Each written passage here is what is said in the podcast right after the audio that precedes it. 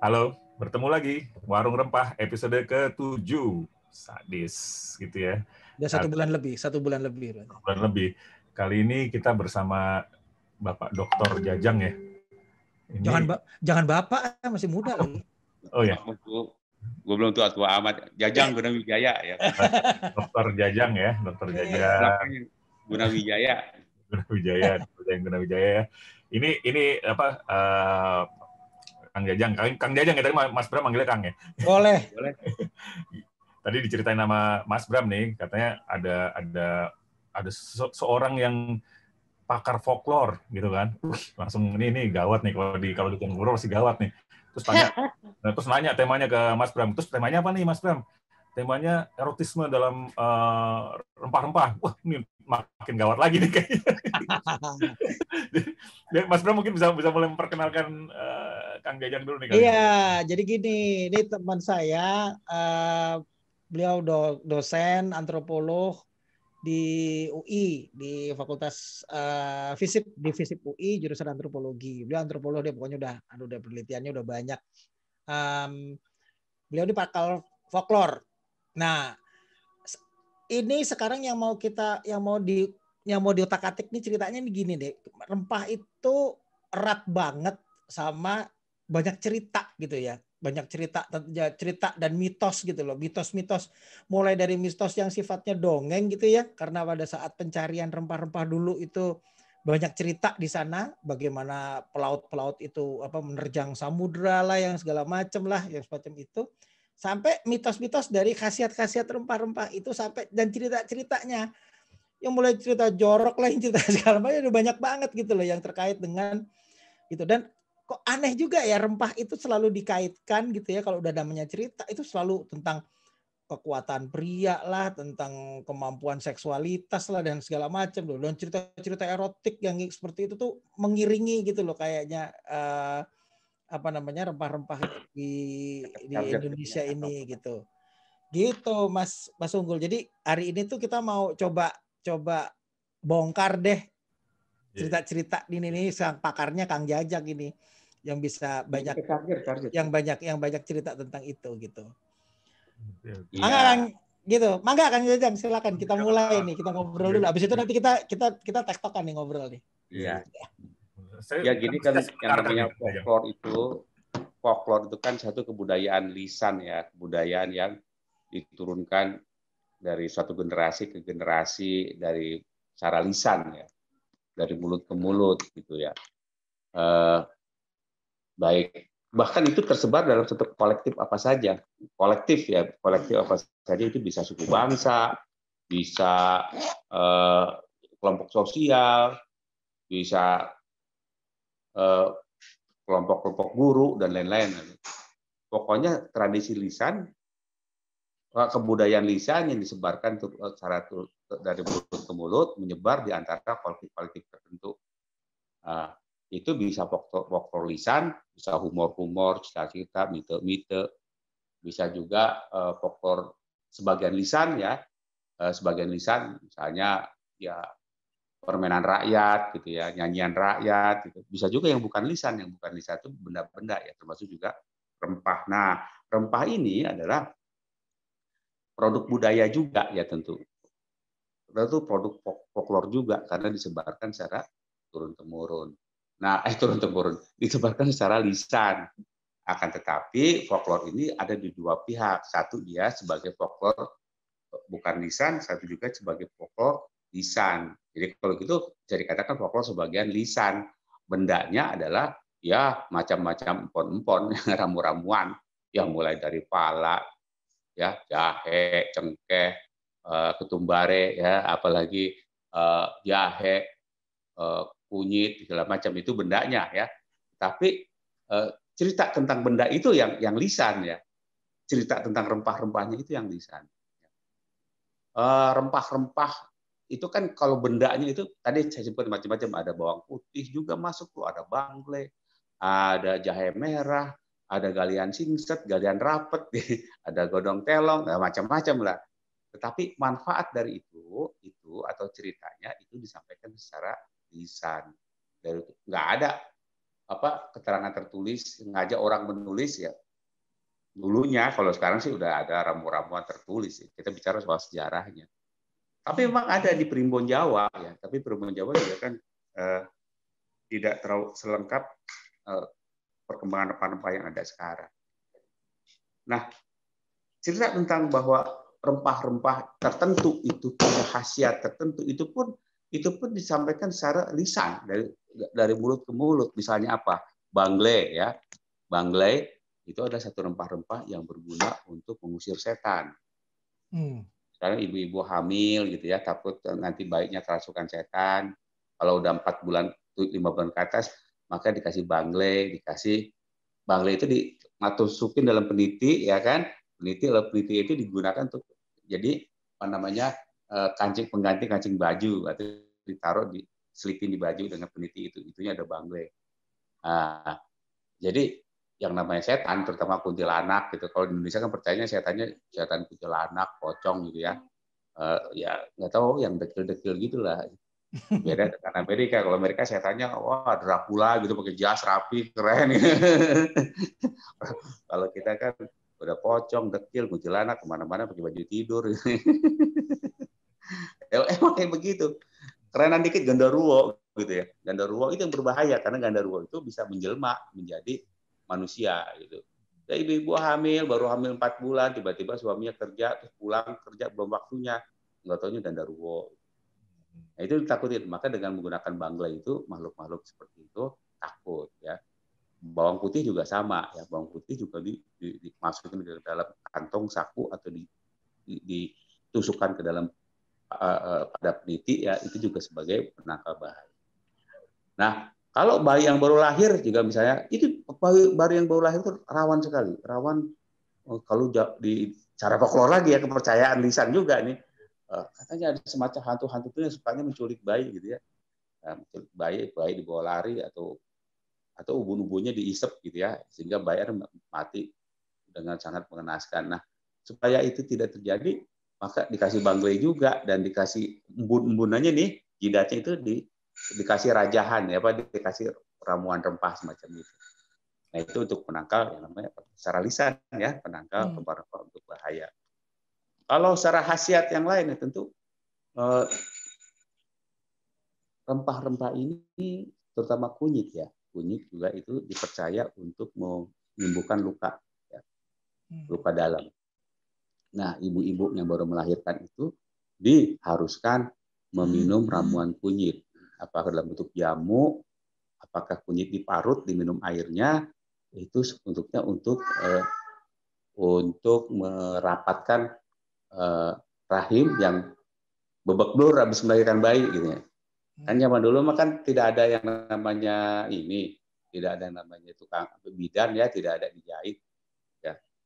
Ibu yang belum melahirkan itu kan ya, selama 40 hari harus pakai angkin yang ketat atau stagen yang ketat dan salah satunya ramuan-ramuan. Nah, kunyit itu adalah untuk sekaligus mengobati luka dalam ya dan juga untuk mengobati luka dari rahim akibat akibat uh, proses uh, kelahiran bayi. Hmm. Sehingga setelah 40 hari apa tiga bulan ready gitu ya. Uh, ready lagi buat suaminya, maka suaminya juga merasa indah gitu kan suami juga bahagia ya, itu kunyit tuh ya. Makanya kalau orang Jawa itu orang Jawa ya terkenal bahwa terkenal dengan ramuan-ramuan semacam itu sehingga daya seksualnya luar biasa ya buat kaum prianya itu. Itu contoh kunyit. Belum lagi ada yang namanya ramuan eh, ramuan-ramuan lain sebagai kombinasi kunyit nah itulah kenapa kita bicara soal masyarakat Jawa ini. Kaya sih lah rempah-rempah kita tahu yang namanya adanya namanya galian singset ya. Ya supaya ada bagian-bagian tertentu tubuh yang kempes gitu perutnya kempes gitu. Artinya pak kempes lemaknya luntur ya. Ada yang namanya gali, galian singset ya. Uh, supaya apa? Perutnya lemak lemak dan perutnya itu hilang tapi timbul tetap seksi ya. Lalu hmm. bagian dadanya juga bagus ada ramuannya lagi gitu ya ramuannya lagi uh, seperti itu. Ada juga galian montok. Nah, Kebalik ke garis ada orang yang pengen montok, pengen seksi, ada ramuan-ramuannya galian montok. Galian ada itu ramuan namanya galian montok. Hmm. Bukan bukan kunyit bukan apa itu. Nah, sehingga kelihatan cewek Jawa itu ideal ya. Hmm. Tidak terlalu kurus, kalau kurus tambah dengan galian montok, ya. kalau terlalu gemuk dikasih minum galian singset. Hmm. Plus makan tambahan jahe, sorry apa kunyit atau rempah-rempah yang lain supaya uh, proses persalinan itu pasca persalinan itu berjalan lancar sehingga cepat sekali menjadi mengalami recovery. Nah, itu untuk yang namanya wanita. Jadi makanya ada banyak secara folklorik gitu ya sebutan-sebutan khusus buat model wanita wanita Jawa itu. Ada di lagu-lagu Putri Solo, bagaimana lenggang-lenggoknya Putri Solo, gitu kan. Berarti apa? Seksi, gitu ya. Supaya seksi gimana? Lemak-lemaknya bisa di buang supaya enggak berlebih-lebihan. Adanya galian singset. Kalau terlalu kurus supaya seksi, minumlah galian montok. Itu isinya rempah-rempah semua. Bukan operasi plastik, bukan sedot lemak, bukan. Ya. Makanya namanya Pak namanya diet orang orang Jawa itu luar biasa. Nah, sama Madura juga sama sedemikian rupa. Kalau kita tahu yang namanya simbol seks uh, cewek adalah Madura ya. Cewek Madura terkenal ya. Yang ada jamu-jamu khusus ya. Jamu-jamu khusus yang membuat uh, apa itu uh, kewanitaan uh, wanita Madura itu memang uh, idaman semua pria ya. Nah, bagaimana dengan pria nih soal seks itu ya? Kalau pria yang saya tahu sih ya, ya tentu ada ada ada ada banyak ya. Tapi salah satu rempah yang yang jelas untuk pria itu adalah pasak bumi ya. Pasak bumi itu ya dulu sih tidak dianggap rempah ya. Tapi itu ramuan khas Kalimantan. Karena kita sekarang bicara soal rempah, rempah itu adalah adalah uh, produk uh, budidaya lokal yang bukan makanan ya bukan makanan, bukan makanan yang mengenyangkan, ya, tapi makanan yang berefek samping atau makanan yang merangsang, ya, merangsang sesuatu. Itu yang terkena itu adalah pasak bumi. Mengandung pasak bumi enggak? Uh, ada jamu tuh mengandung pasak bumi. Gitu. Tentu pahitnya minta ampun. Pasak bumi itu bisa aja akarnya pasak bumi tentu saja. Bisa aja berupa kulit akar, bisa berupa kayu akar. Gitu. Kedua-duanya pahitnya minta ampun. Tapi itu terkenal pasal ini sebagai untuk uh, erotisme pria supaya er, pria itu tahan lama. Kuat, ya, tahan lama dan kuat. Kalau pria tahan lama dan kuat, maka wanita pasti akan gembira. Makanya dalam kampanye dulu waktu Pak Yusuf Kala jadi eh, cawapres ya, waktu zaman pertarungan dengan SBY ya tahun berapa sih ya itu ya? Tahun 2009 ya. Maka semboyan Pak Yusuf Kala lebih cepat lebih baik gitu kan? Lebih cepat lebih singkat ya lebih cepat lebih baik. Lebih cepat lebih baik itu hanya menyenangkan pria tapi ibu-ibu menderita ya. Ibu-ibu tuh nggak suka lebih cepat lebih baik. Ibu-ibu cepatnya lama intensif ya romantis dan bermakna kalau lebih cepat lebih baik ya wanita bisa kecewa minta ampun mah supaya tidak tidak jadi lebih cepat lebih baik ya, maka harus kejahatan pria itu harus dikuatkan dengan ramuan Indonesia yang namanya pasak bumi. Apakah kulit kayunya atau kayu akarnya? Kulit akar, sorry, dan kayu akar. Nah, kenapa itu pasak bumi? Karena pasak bumi itu akarnya itu benar-benar menghujam bumi. Menghujam bumi begitu sangat kokoh. Itu ada di Kalimantan. Bukan di tanah gembur, bukan. Di tanah Kalimantan, ya memang tanah gambut sih Kalimantan, Mbak tapi akar itu butuh-butuh mau hujam ke bumi dalam sekali. Dan untuk nyabutnya nggak bisa dengan seorang, harus beberapa orang yang nyabut dan nggak boleh pakai alat nyabutnya, harus dengan orang ya dengan dua tiga orang baru dicabut dan akarnya itu dikeringkan sedemikian rupa dan itu analog namanya analog agar alat vital pria itu analog dengan akar pasak bumi kalau akarnya diminum ya maka analog hasilnya akan sampai ke alat vital pria kuat seperti pasak bumi. itu analog ya. Tapi kalau di kaya ya masuk akal juga karena pahitnya minta ampun. Ya, bahkan ada yang dibikin yang seduh bisa dibikin uh, mang atau dibikin buk dari dari akar. Itu bisa tinggal dikasih air dan air panas lalu dibiarkan jadi hangat layak diminum pahitnya minta ampun. Dan rasa pahit itu sebetulnya menetralisir gula. Kan yang yang loyo itu kan pria yang kadar gulanya tinggi. Kalau hmm. gulanya normal mah gereng aja gitu kan. E, seperti pasak bumi ya tapi kalau kadar gulanya tinggi, maka minum akar pasumi pahit yang minta ampun itu bisa mengontrol gula darah. Karena mengontrol gula darah, ya termasuk gula darah yang berada di sekitar alat vital pria, maka bisa dinetralisir dan itu bisa nggak ada gangguan, bisa kuat ya.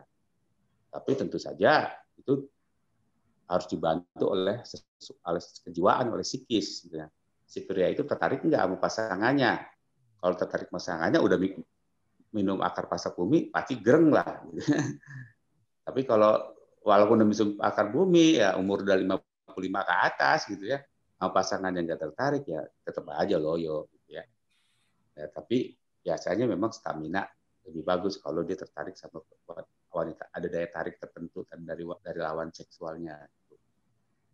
Nah itu itu penjelasan klinis ya karena dia pahit rasanya bisa mengontrol gula darah sehingga seperti ini. Akan tetapi masalahnya bukan soal karena kejantanan pria itu loyo, bukan karena soal gula darah, emang karena bawaan. Karena sesuatu hal, apakah psikis, apakah gimana. Walaupun gula darahnya normal, ya loyo, loyo aja. Maka perlu dibangkitkan, salah satu membangkitkannya itu adalah akar pasak bumi. Akan tetapi di Indonesia itu bukan hanya akar pasak bumi saja, ya. Ada ramuan-ramuan lain yang dibentuk pil. Di saat seperti kita tahu ginseng ya, tapi ginseng itu kan dari Korea ya, bukan dari kita. Tapi kita juga punya ginseng. Orang Indonesia juga nanam ginseng, walaupun kualitas ginsengnya tidak sehebat kualitas ginseng Korea. Karena Korea ginseng itu tanaman yang khas di daerah dengan pH tertentu yang itu yang paling bagus di Korea. Di Cina aja nggak bagus ginsengnya. Di kita ada bagus, ada, tapi tidak sebagus kualitasnya di Korea. Ginseng juga itu menjadi salah satu bahan. Nah kalau Indonesia itu pinter, ginseng dicampur dengan larutan akar pasak bumi ditambah dengan jahe merah ya. Ya di rambut sedemikian lupa menjadinya pil. Satu-satunya aja pil kita misalnya dulu ya itu juga menambah stamina. Nah wanita juga sama. Bisa kalau dari Kalimantan itu juga ada yang namanya galian rapat ya. Bukan kalau di Jawa kan galian singset ya. mungkin ramuannya juga termasuk orang Jawa itu pintar ramu-ramu jamu ya, yang namanya temu lawak, temu ini, temu kunci, temu dicampur dengan uh, ke ramuan dari Kalimantan. Jadilah uh, menambah gairah seksualitas yang namanya seksualitas wanita. Galian rapat itu berasal dari pohon rapat ya. Pohon rapat itu pohon yang ada di uh, Kalimantan juga ya, itu bertetanggaan dengan pasak bumi pohon rapat itu juga diambil akarnya. Kalau akar rapat itu dipisahkan dari kulitnya, eh dari kayunya, kayu akar ya. Sehingga akar rapat itu mengkerut yang memanjang ya, panjang. Panjangnya bisa satu meter, bisa setengah meter, satu meter. Walaupun itu sudah dikeringkan berbulan-bulan bahkan bertahun-tahun ya, tapi kalau akar rapat ini potes-potes ya, dipotes-potes, dibikin ruas-ruas, maka getahnya itu masih ada ya getahnya itu masih ada, lalu asal yang ditarik putus aja ya, begitu dipotes-potes aja, lalu ditarik lagi, diratakan kembali, diluruskan kembali, slut, maka getah itu akan mengikat kembali. Seolah-olah akar pohon rapat yang udah kering itu seolah-olah tidak dipotes-potes. Nah, akar itu yang bikin rapat. Nah, itu analog orang Indonesia ini bahwa kalau akar rapat itu diminum jadi jamu oleh atau dia di kontrap akar pohon rapat itu dibikin bubuk jadi jambu, maka berpindah kerapetannya itu pada sesuatu yang ada pada wanita. Sehingga nggak perlu yang namanya operasi macam-macam ya, seperti di dunia modern zaman dulu itu. Maka dengan minum akar pokok rapat itu, maka yang namanya eh, eh, apa, eh, seksualitas wanita itu sangat sangat baik, gitu. sangat menyenangkan pria. Dan tidak hanya di Jawa, ya di Betawi juga ada yang namanya tangas ya, tangas dan pulen legit. Ya dia punya sistem medis, sistem wellness ya, namanya tangas atau pulen legit. Isinya pun ramuan-ramuan rempah tadi ya. Jadi supaya suami-suami Betawi itu menyenang apa sayang sama istrinya, maka minumlah ramuan-ramuan tangas atau pulen legit ini sehingga betul-betul namanya pulen dan legit ya. Seperti itu sehingga pria itu betah di rumah. Nah, apa yang saya sampaikan tentang bangle, saya sampaikan tentang kunyit dan sejenisnya gitu. Uh, itu semuanya lisan ya disampaikan dari mulut ke mulut. Tidak berdasarkan penelitian ilmiah, tidak berdasarkan kajian ilmiah. Setelah membudaya, membudaya uh, menjadi kalau sekarang mah jadi viral ya. Setelah membudaya, barulah orang mau cari-cari menulis meneliti meneliti mengkaji oh ternyata ada efek farmakologi iya sisanya juga bisa aja placebo ya hanya yeah. membangkitkan secara psikologis saja hmm. tapi kalau secara bisa jadi uh, uh, cari rapat itu punya khasiat seperti seperti pasak bumi ya yang bisa mengontrol gula darah biasanya seperti itu. Lalu ada lagi sejenis rempah yang ada di tanah Jawa ini namanya temu kunci. Temu kunci itu adalah remah, rempah-rempah yang baik untuk bikin sayur bening. Kalau Anda bikin sayur kayak daun kelor bening, kasih sup temu kunci itu akan lebih nikmat, hangat. Dan temu kunci menghilangkan amis. Kalau misalnya ibu-ibu memasak kerang, ya, memasakkan siput, di sayur bening atau sayur apa sayur sayur bening boleh semacam uh, atau semacam pindang boleh tapi dikasih temu kunci termasuk ciput ciput itu keong darat eh keong darat keong sawah. Itu amis tidak ada tidak ada amis. Nah temu kunci itu pun diminum menjadi salah satu ramuan wanita supaya uh, cairan wanitanya itu juga tidak amis. Salah satu seperti itu. Itu hebatnya orang Indonesia. Uh, banyak kearifan lokal ini justru membuat orang Indonesia itu wanita Indonesia itu anggun, cantik, ya sempur, relatif sempurna, prianya juga perkasa, ganteng dan segala macam. Itu memang ada ramuan-ramuan semacam itu. Nah, sementara itu dulu barangkali kalau ada yang mau ditanyakan ya silakan. Baru tahu kalau ternyata rapat itu ternyata nama pohon ya. Iya bener ya baru tahu juga tuh rapat itu nama pohon. Kalau nama latinnya apa tuh? tadinya tadinya itu, ada di apa bahasa latinnya pohon ya. Bahasa latin dan biologi lah. Kalau ya, tapi soal pohon. Tapi benar aku kira saya saya kira tadi itu dia itu sebangsa apa karena ramuannya itu yang membuat sesuatu menjadi rapat kemudian jadi jadi galian rapat. Ternyata rapat itu namanya pohon ya pohon rapat, baru tahu. Nah tadi Kang Jajang yang kalau yang apa buat ngusir setan apa namanya? Bangle. Bangle itu apa tuh Kang Jajang? Tanamannya apa tuh? Bangle itu satu keluarga dengan jahe ya, satu keluarga dengan jahe. Oh. Rimpang ya, rimpang. Uh, sama sama semacam keluarga rizoma ya, rizoma. Dia putih ya. Tapi kalau bangle itu tidak enak kalau dimakan, tidak enak itu emang cuma ditaruh gitu ya buat buat ditaruh-taruh aja gitu ya, bukan buat dikonsumsi gitu kan ya. Kalau buat jamu iya boleh, tapi kalau buat yang saya tahu saya belum pernah dengar ramuan ibu-ibu tradisional menggunakan bangle. Nggak, nggak hmm. mungkin. Belum perlu dengar ya. Tapi untuk musir setan ya, untuk ibu-ibu yang baru melahirkan dibikin jamu ya. Salah satunya adalah kepercayaan lokalnya itu mengusir energi negatif lah kalau sekarang mah itu. Tapi itu itu mahal harganya sebetulnya. Gitu.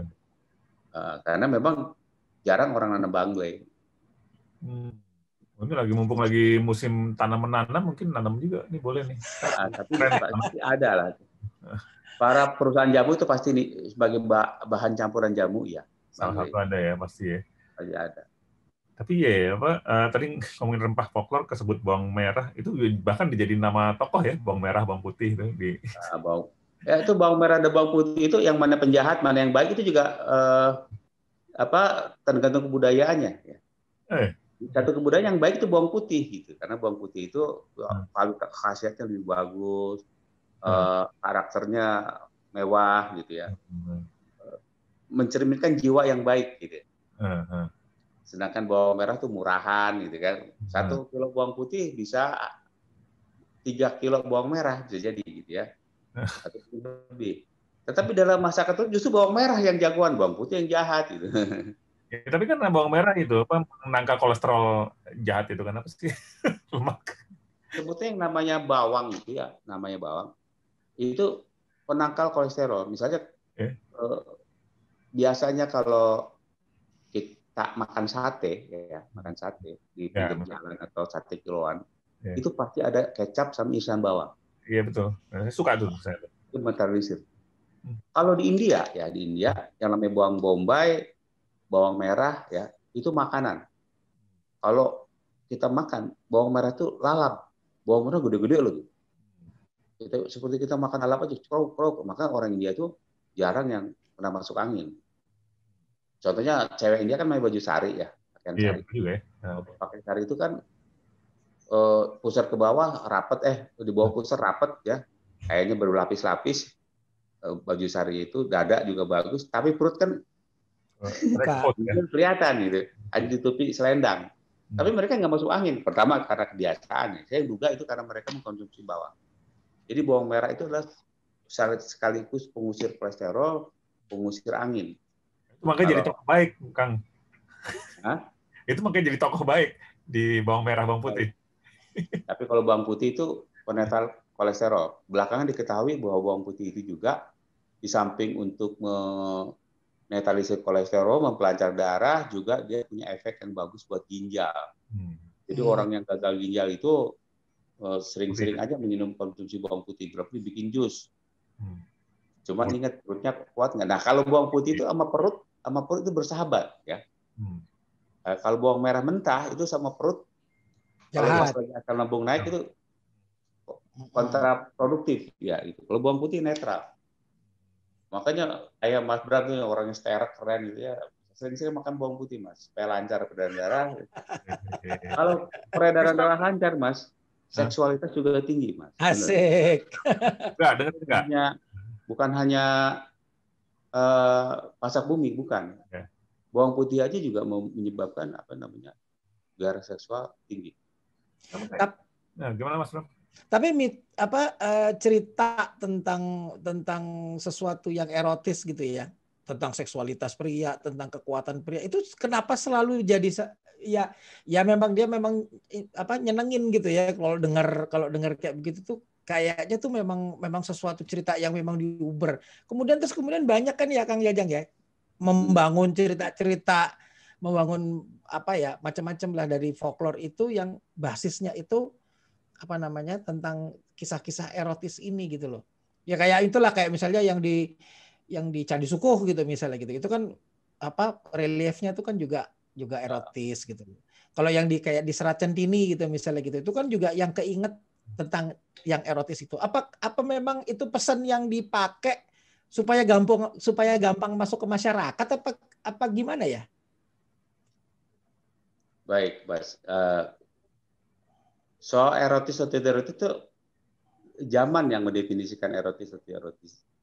Uh, pada saat di, kita lihat gambar Candi Suko ya, uh, uh, ukiran malah itu ya, bukannya gambar. Alat kelamin yeah. pria, alat kelamin wanita, bahkan digambarkan di situ uh, orang berhubungan seks gitu ya. Mungkin pada zaman itu itu bukan enggak porno, Mas. Zaman sekarang aja itu mendefinisikannya porno. Zaman dulu itu hmm. mungkin suatu keharusan. Apa? Karena apa? Karena penduduk Jawa kan sedikit ya. Waktu itu ya sedikit. Dan suka oleh tahun berapa Mas? Itu, itu tahun abad bangsa sekitar abad ke 9 lah itu ya. Yang suka itu uh, masih sedikit. Dan ingat orang Jawa itu itu menjunjung tinggi namanya kesuburan. Subur makmur. Subur itu termasuk juga wanita itu harus subur subur makanya ada galian singset ya, ada galian rapet ya, ada galian montok. Montok rapet singset itu ideal seperti apa? Kalau terlalu terlalu terlalu singset ya dimontokin ya. Kalau terlalu gembrot ya disingsetin. Sehingga wanita itu prima. Wanita yang prima hebat itu bisa melahirkan anak. Ya. Lalu pria juga sama. Pria itu kejantanan itu nomor satu mas ya. Itu harga diri, kepercayaan, kepemimpinan. Makanya orang Jawa itu dulu, apalagi kalau bangsawan, istrinya nggak ada yang cuma satu mas. Permaisuri satu, selir berapa banyak, belum gundik banyak. Itu hmm. melambangkan hmm. kejantanan mas. Kejantanan itu adalah kekuasaan juga. Orang jantan dalam artian ya bukannya berani ya. Bukannya berani bukannya berani fight berani ya memang salah satu keberanian itu libido ya. Kalau libido payah orang juga kemungkinan nggak akan keberanian itu nggak sehebat orang yang libidonya tinggi. Contohnya apa nih contohnya nih ini maaf nih. Contoh di Garut ya di Garut ada kebudayaan adu domba ya kan banyak oh. orang mengira adu domba itu domba diadu sampai mati tidak di Garut itu domba itu diadu tergantung kelasnya. Ada kelas bulu, ada kelas ringan, ada kelas berat. Kalau kelas bulu itu domba yang berumur 2 tahun. Diadu cuman satu kejedakan aja, Mas. Cedet. Pala sama pala diadu. Tentu di, ada bobotohnya ada, ada protokolnya ada. Nah, ada jurinya ada. Nah, juri menilai mana yang kira-kira kelenger, mana yang kira-kira masih fit. Yang kelenger kalah gitu ya. Udah, jadi nggak sampai mati. Nah kalau kelas ringan, misal domba yang umurnya tiga tahun, cukup dua jedakan mas, cedet. Lalu mundur lagi domba janda tuh, cedet. Udah dua jedakan, dia kelas ringan. Di, juri menilai itu, ya. Ada draw gitu ya, ada apa? Itu juri, juri A memenangkan ini, juri B memenangkan itu, juri C memenangkan ini. Ada empat juri. Draw ya. Karena dua-duanya memenangkan. Satu ada yang satu tidak memenangkan. Itu berarti menang. Dan itu si pemilik domba nggak sakit hati. Karena apa? Juri ya. Jadi adu domba itu bukan bukan domba sampai pecah kepalanya sama sekali enggak.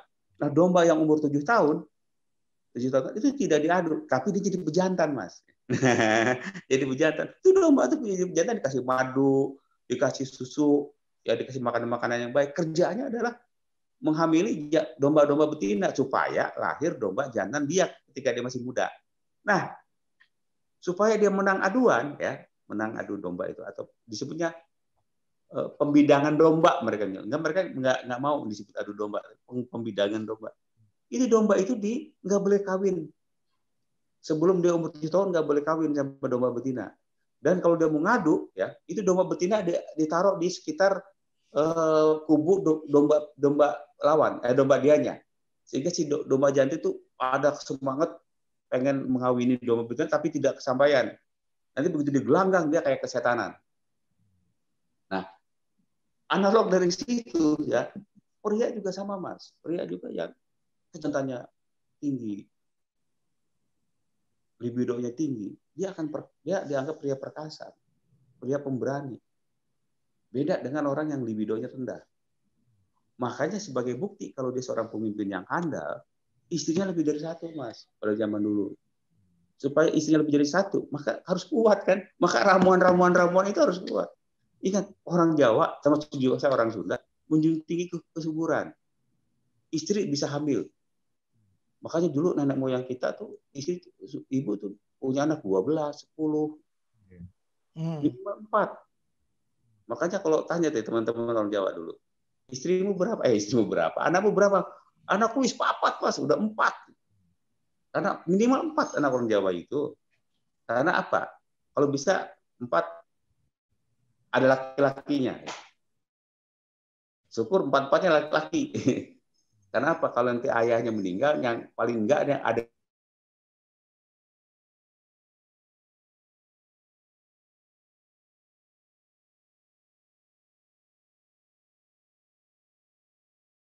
biasanya ke makam gitu.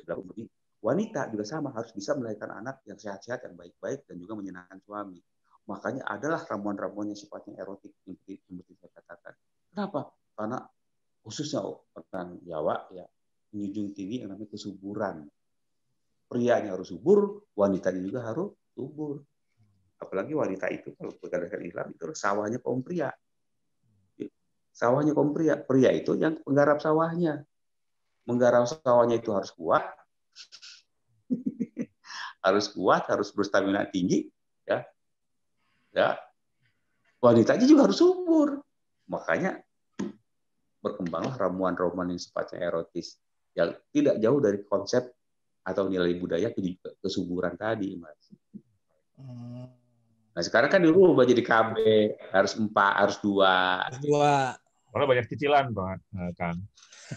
Cicilan. Kalau kebanyakan pusing juga kan. Tapi walaupun anaknya dua, sawah tetap harus digarap mas. Ya benar. Harus subur tetap. Makanya ada galian skingset, tapi ada galian rapet, ya. ada galian montok. Nah, tapi ini mas kalau misalnya tadi kan pasak bumi, terus apa namanya gal, apa tadi uh, galian rapet ya, itu kan katanya dari Kalimantan ya. Tapi iya. udah ratusan tahun ya udah sampai ke Jawa juga, jadi folklore di Jawa juga gitu ya. Iya iya. Pakai uh, ya berarti ya udah ya. Per, de, Majapahit itu perdagangan antara Jawa, Kalimantan. Jadi ya. Hmm apalagi pada saat Majapahit udah berkuasa pada masa Gajah Mada ya. Kerajaan-kerajaan di Kalimantan itu di, di soal keamanannya itu dibawa kendali Majapahit. Jadi udah pasti ada hubungan. Nah kalau kalau keluar kalau lebih jauh lagi kan ada lebih jauh lagi ceritanya? Misalnya kayak kayak di kalau yang kita tahu kan kalau barus itu jadi apa buat mumifikasi gitu ya. Nah ini hmm. yang berhubungan dengan rempah-rempah erotisme ada yang sampai ke luar juga nggak sejauh itu kan? Dari ya. Uh, kalau di yang namanya juga ada Kama Sutra versi Tiongkok. Hmm. Kedua negara itu juga kaya akan eh, ramuan-ramuan asli daerah mereka. India tentu dia udah punya Ayurveda, dia punya uh, punya ramuan-ramuan tentu khusus buat kejantanan pria. Uh, Cina juga punya yang namanya konsep uh, Yin dan Yang itu harus seimbang. Nah, ramuan-ramuan itu sebenarnya rempah-rempah juga, Bang. Dan ada yang dari kita nggak kira-kira ya, Kang? Emang, emang ada, ada ada perdagangan dulu. Hmm. Hmm. Cina dengan jalur sutranya, kita dengan jalur rempahnya. Rempah. Itu terjadi pertukaran. Hmm. Bahwa rempah-rempah yang di, dibawa oleh ini sebelum sebelum POC masuk ya, sebelum POC masuk. Bulan rempah-rempah yang di dikendalikan perdagangan oleh kerajaan-kerajaan lokal kita, ya, dijual ke pedagang-pedagang lokal sampai ke Samudra Pasai. Dari Samudra Pasai, ya, itu rempah-rempah itu dijual, ya, dijual terus ke pedagang-pedagang Cina, ya, pedagang-pedagang Arab, eh pedagang-pedagang India. Di situ terjadi pertukaran. Mereka beli rempah-rempah, ya, kita beli sutra dan beli rempah dari Cina kalau nggak salah sorry dari pedagang Cina jual ke India, India jual ke Arab, Arab jual ke bangsa-bangsa Eropa. Seperti itu. Hmm. Dan bahan rempah-rempah kita itu buat Eropa itu untuk sama Eropa, Cina sama untuk mengawetkan makanan, mas. Sehingga makanan lebih lama, lebih awet, lebih kuat. Sehingga mereka bisa berlayar bertahun-tahun, eh sorry berbulan-bulan karena pasokan makanan itu uh, yeah terjaga dengan rempah. Dan tentu akibat dari rempah itu ada efek ya. Hmm. Ada efek. Ada efek pasti efek dari rempah itu. Makanya di India berkembang yang namanya Kama Sutra. Di, di, di Eropa juga, eh di Cina juga sama. Makanya pemimpin-pemimpin India istri juga banyak, apalagi Cina. Hmm. Yang namanya pada masa pada masa pernah dengar namanya Sampokong ya, Sampokong. Ya. Hmm. Sampokong itu ada pada dinasti Ming. Hmm. Sampokong itu adalah salah sahabat daripada raja, salah satu raja dinasti Ming. Ketika raja itu masih belum jadi masih jadi anak remaja, belum diangkat, maka Sampokong itu temannya raja. Itu ketika raja diangkat dinobatkan, maka Sampokong itu diangkat eh, oleh raja sebagai orang kepercayaan untuk menjaga harim-harimnya mas harimnya nggak tanggung-tanggung, ada 150 harim. Hmm. Bagaimana raja bisa meniduri harim-harim itu? Belum tentu sebulan sekali. ya 150 mas. Tapi paling nggak tiap hari raja harus beli Bagaimana dia bisa mencuri? Ya tentu dia harus jantan, harus kuat. Bagaimana dia bisa kuat? Ya makanya berkembanglah Kama Sutra versi Tiongkok, versi Tiongkok. Termasuk juga ramuan-ramuannya, teknik-tekniknya. Seperti itu. Nah, Sampokok waktu itu eh, di, di, diberi tugas untuk menjaga harim-harim yang sebanyak 50 demi kepercayaan terhadap rajanya pada eh, demi kepercayaan bagi raja kepada dia maka Sampoko minta dikebiri. minta dikebiri. Karena apa? Bayangkan, ya dikebiri bukan berarti penisnya dibuang sama sekali. Jadi pengertian dikebiri itu jangan begitu ya. Banyak kan orang, oh dikebiri, penis. Enggak, hanya saluran testosteronnya ini putus. Jadi dia tidak punya selera untuk melakukan hubungan seksual. Jadi bayangkan 150 unik kalau Sampoko itu ganteng, Mas. Kalau dia digoda terus sama salah satu selir yang nggak pernah dia apa-apain nama raja, yang bisa jadi imannya keganggu. Maka demi kepercayaan dia apa raja terhadap dia, maka dia minta dikebiri. Maka maka dia bisa menjaga harim-harim itu dengan baik. Nah, pertanyaannya ada kembali dengan soal erotik. Bagaimana raja bisa uh, nafkahi itu? Kembali lagi pada soal kekaisaran di Korea di Korea pernah ada kaisar. Kaisar-kaisar Korea itu kerjanya oh, untuk memberikan keturunan keturunan yeah. murni di sana. Dia tugasnya sebagai pejantan. hmm. Istrinya banyak, istrinya satu, satu permaisuri tapi yang lain banyak. Makanya Raja Korea dijaga jangan sampai jangan sampai dicuri, terbunuh atau segala macam. Dia harus jantan, harus melahirkan keturunan pendekar-pendekar atau samurai-samurai Korea. Makanya ramuannya pun harus bagus. Dan ini cerita, ramuannya ini, ini cerita dan, erot cerita erotis itu sebetulnya juga apa se, se apa ya seiring dengan dengan pro, dengan ini ya dengan uh, tentang kekuasaan tentang jadi apa ya identik gitu ya benar mas contoh kita kita kembali soal pewayangan di Indonesia ya. Kita tahu yang namanya Arjuna. Mm-mm. Arjuna bininya banyak kan. Bininya banyak. Uh. Istri resminya aja dua, gitu. Sumbodro dan Sri Kandi. Mm. Tapi yang namanya Arjuna itu dia hobi menuntut ilmu.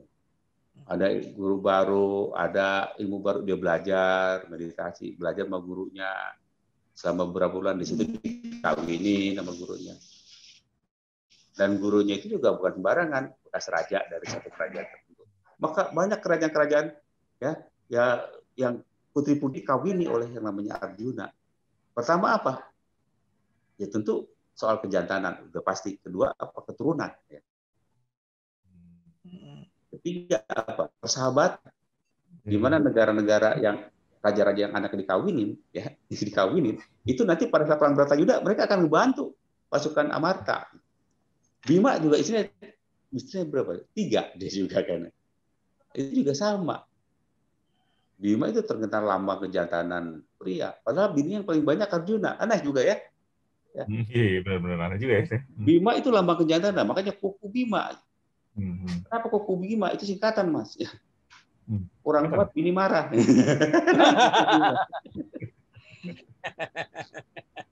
Dan Bima itu dilambangkan seksualnya tinggi. Dia maaf, dia punya laki yang selalu tegang. Bima itu ya. Makanya Bima itu nggak pernah duduk. Dia berada di luar istana karena badannya gede, ya, paling gede. Juga dia punya alat vital nggak pernah tegang terus. Susu lambang kejantanan itu ada Bima. Tapi kenapa istrinya banyak Arjuna? Nah, karena Arjuna itu punya istri banyak bukan soal karena kejantanan, tapi karena soal diplomasi. Oke. Okay. untuk menjaga persaudaraan, persahabatan, menambah dukungan dengan cara kawin ada perlombaan negara anu dia ikut lomba dapat lagi istri ada raja anu ikut sayembara barang siapa yang bisa me, me, me, membentangkan anak panah dan memanah dengan tepat dan dapat putri raja dia, dia lakukan itu. Ya tujuannya adalah apa? Untuk mendapat dukungan. Jadi seksualitas juga seksualitas juga ada fungsi positifnya. Ya seperti presiden kita yang pertama kan istri banyak mas. Istrinya banyak. Bukan karena dia playboy ya. Karena banyak wanita juga tergila-gila sama presiden kita itu. Karena karismanya bapak kita itu bapak negara itu luar biasa. Banyak wanita tergila-gila saya nggak saya nggak nggak terima apa sekarang kalau disebut eh, Bung Karno playboy. Ya dia pria normal pria jantan tapi memang banyak wanita-wanita yang tergila-gila. Udah tahu Bung Karno istri empat masih mau. Udah kan Bung Karno istrinya banyak, masih mau. Dan ras, kekuatan seksualitas Bung Karno itu, mohon maaf nih, di antara presiden-presiden berada, dia nomor satu, nggak ada yang lain. Anaknya juga banyak, baik yang ketahuan maupun yang belum ketahuan. Nah, itu. Tapi itu dalam itu wajar-wajar aja. Saya juga bangga punya presiden jantan seperti itu. Tapi itu juga juga bisa jadi bisa jadi simbol ya Kang ya kalau artinya presiden atau raja gitu ya. Sama kan ini kan sebetulnya kan malah kalau ya kalau disebut sebagai apa uh, presiden itu lebih lebih apa ya lebih lebih kan kalau kalau raja itu kan lebih kesan tradisinya lebih lebih kencang gitu ya. Kalau kalau kalau presiden kan ya udah udah sistem yang pemerintahan modern gitu. Tapi tetap simbol simbol kekuatan seksual dari seorang pemimpin itu mencerminkan kekuasaannya dia segala macam. Itu tetap ya berarti ya Kang ya? Tetap ada pada masalah. Kalau sekarang kan uh, budayanya berubah ya. ya. sekarang kan kebudayaan kebudayaan demokratis ada gerakan feminisme yang kuat juga hmm. kesamaan hak asasi manusia juga udah mendunia itu kan kulturnya udah beda ya, ya kultur udah beda kalaupun ada ya sembunyi-sembunyi Istrinya cuma satu, cuman simpenannya banyak. Tapi kenapa Kak sekarang kalau kayak gini gini gini yang selalu di selalu diekspos atau selalu dinampakkan itu uh, seorang pemimpin yang laki-laki gitu ya. Kalau dia seperti ratu lebah gitu yang perempuan itu uh, apa ya kesannya laki boleh punya istri banyak, boleh kuat, boleh segala macam. Sementara kalau perempuan itu nggak boleh gitu ya punya suami banyak atau dia yang kuat atau dia segala macam gitu. Nah, ini kontradiksi kayak gini nih gimana itu Kang Jajang? Ya kalau dibandingkan dengan Ratu Lebah ya, Ratu Lebah ini gini, ini suatu ini kekuasaan Tuhan yang luar biasa. Ratu Lebah itu selama dia hamil itu hanya satu pejantan. Untuk apa? Untuk menjaga kemurnian. Ini anak ratu dari lebah yang ini. Nah begitu aneh aja begitu jantan lebah itu membawa, membuahi ratu lebah, hmm. maka nggak lama kemudian jantan itu mati. Kenapa? Karena dalam alat kelamin ratu lebah itu ada semacam kayak gunting, mas. Ada penutup yang kayak gunting. Jadi begitu ratu lebah itu hubungan seks, begitu terjadi penetrasi, selesai sudah, maka ratu lebah itu menutup guntingnya maka kelamin prianya apa lebah jantan mati. Itu lebah. makanya horor ya jadinya ya. iya, makanya lebah itu begitu dia melahirkan dan jantan itu terus sampai menetas jadi telur. Nanti suatu masa birahi lagi, dia ketemu jantan baru lagi. Maka ada jantan tugasnya mengawini. Gitu. Tapi begitu kawin, kali kawin mati. Kasihan sekali lebah pejantan itu. mati. Nah, kalau ya itu saya kira. Kalau kita sih kebanyakan kultur mas. Kenapa wanita? Di, seperti seperti gini mas. Kalau ke, kultur kita itu kan sistem kerabatan itu kan matri, patrilineal. Ya memang ada yang mana namanya matrilineal. Untuk orang Minang seperti itu. Ada di masyarakat India Selatan ya orang Nayar namanya matrilineal. Ya. Di mana pria itu, apa wanita itu adalah jalur kekeluargaan. Maka ketika wanita itu punya suami, suami dia uh, bertugas di luar kota, dia juga bisa memasukkan pria lain. Dan itu dianggap wajar. Dan kembali pada zaman kalau teori evolusi, teori evolusi, teori keluarga nih ya. Dulu katanya manusia itu hidup promiskuitas, Mas. Promiskuitas itu si laki dengan siapa aja saling kawin. Bisa aja wanitanya punya suami lebih dari satu. Promiskuitas namanya. Tapi perkawinan antar keluarga antar saudara itu nyaris tidak terjadi. Anak dan ibu tidak terjadi, tapi wanita itu boleh kawin dengan siapa saja tanpa ikatan perkawinan. Tapi kalaupun anaknya lahir, maka anak itu dianggap anak kelompok. Misalnya kita klan A, klan B ini. Klan B ini punya wanita, ada sebelah wanita dan prianya banyak, mereka saling kawin aja. Maka begitu lahir anaknya, anaknya anak kelompok klan B. Nah, tapi yang tahu persis siapa anak siapa, bapaknya siapa itu wanita. Maka anak-anak itu hanya tahu siapa ibunya, bapaknya nggak tahu. Karena semua bapak bisa menikmati ibunya. Tapi si ibu itu tahu itu pasti anak siapa. Itulah kehebatnya wanita. Kalau kita kan nggak bisa tahu, tapi ibu bisa tahu. Nah, itu tempo dalam tempo ketika manusia masih berburu beramu kalau seorang Arab menjahiliyah lah ya.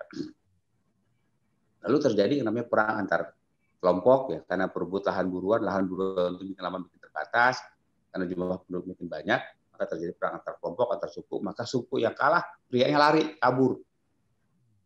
Suku yang menang ya dapat wanita ya dapat wanita kadang-kadang terjadi sering curi mencuri wanita. Maka otomatis yang mendominasi itulah pria. Jadi anak akhirnya hanya tahu pria ini siapa bapaknya. Karena ibunya banyak.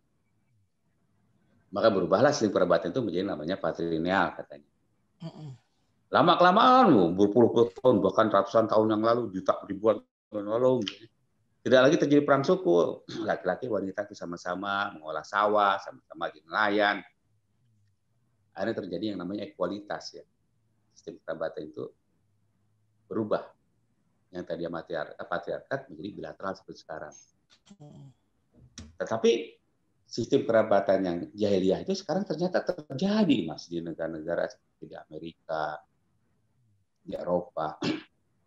Wanita suka sama suka tinggalin pria tanpa ikatan nikah suki besoknya nggak suka dia nyatakan putus kawin terus rumah lagi dengan pria lain demikian juga pria suatu saat juga nggak suka sama, sama istri dalam tanda petiknya ya kawin lagi lalu anak-anak siapa anak milik kelompok milik pemerintahan Republik Amerika ada badan pengasuhan anak ditaruh di situ aman jadi sekarang mana yang lebih beradab Indonesia? Apakah apakah negara Barat?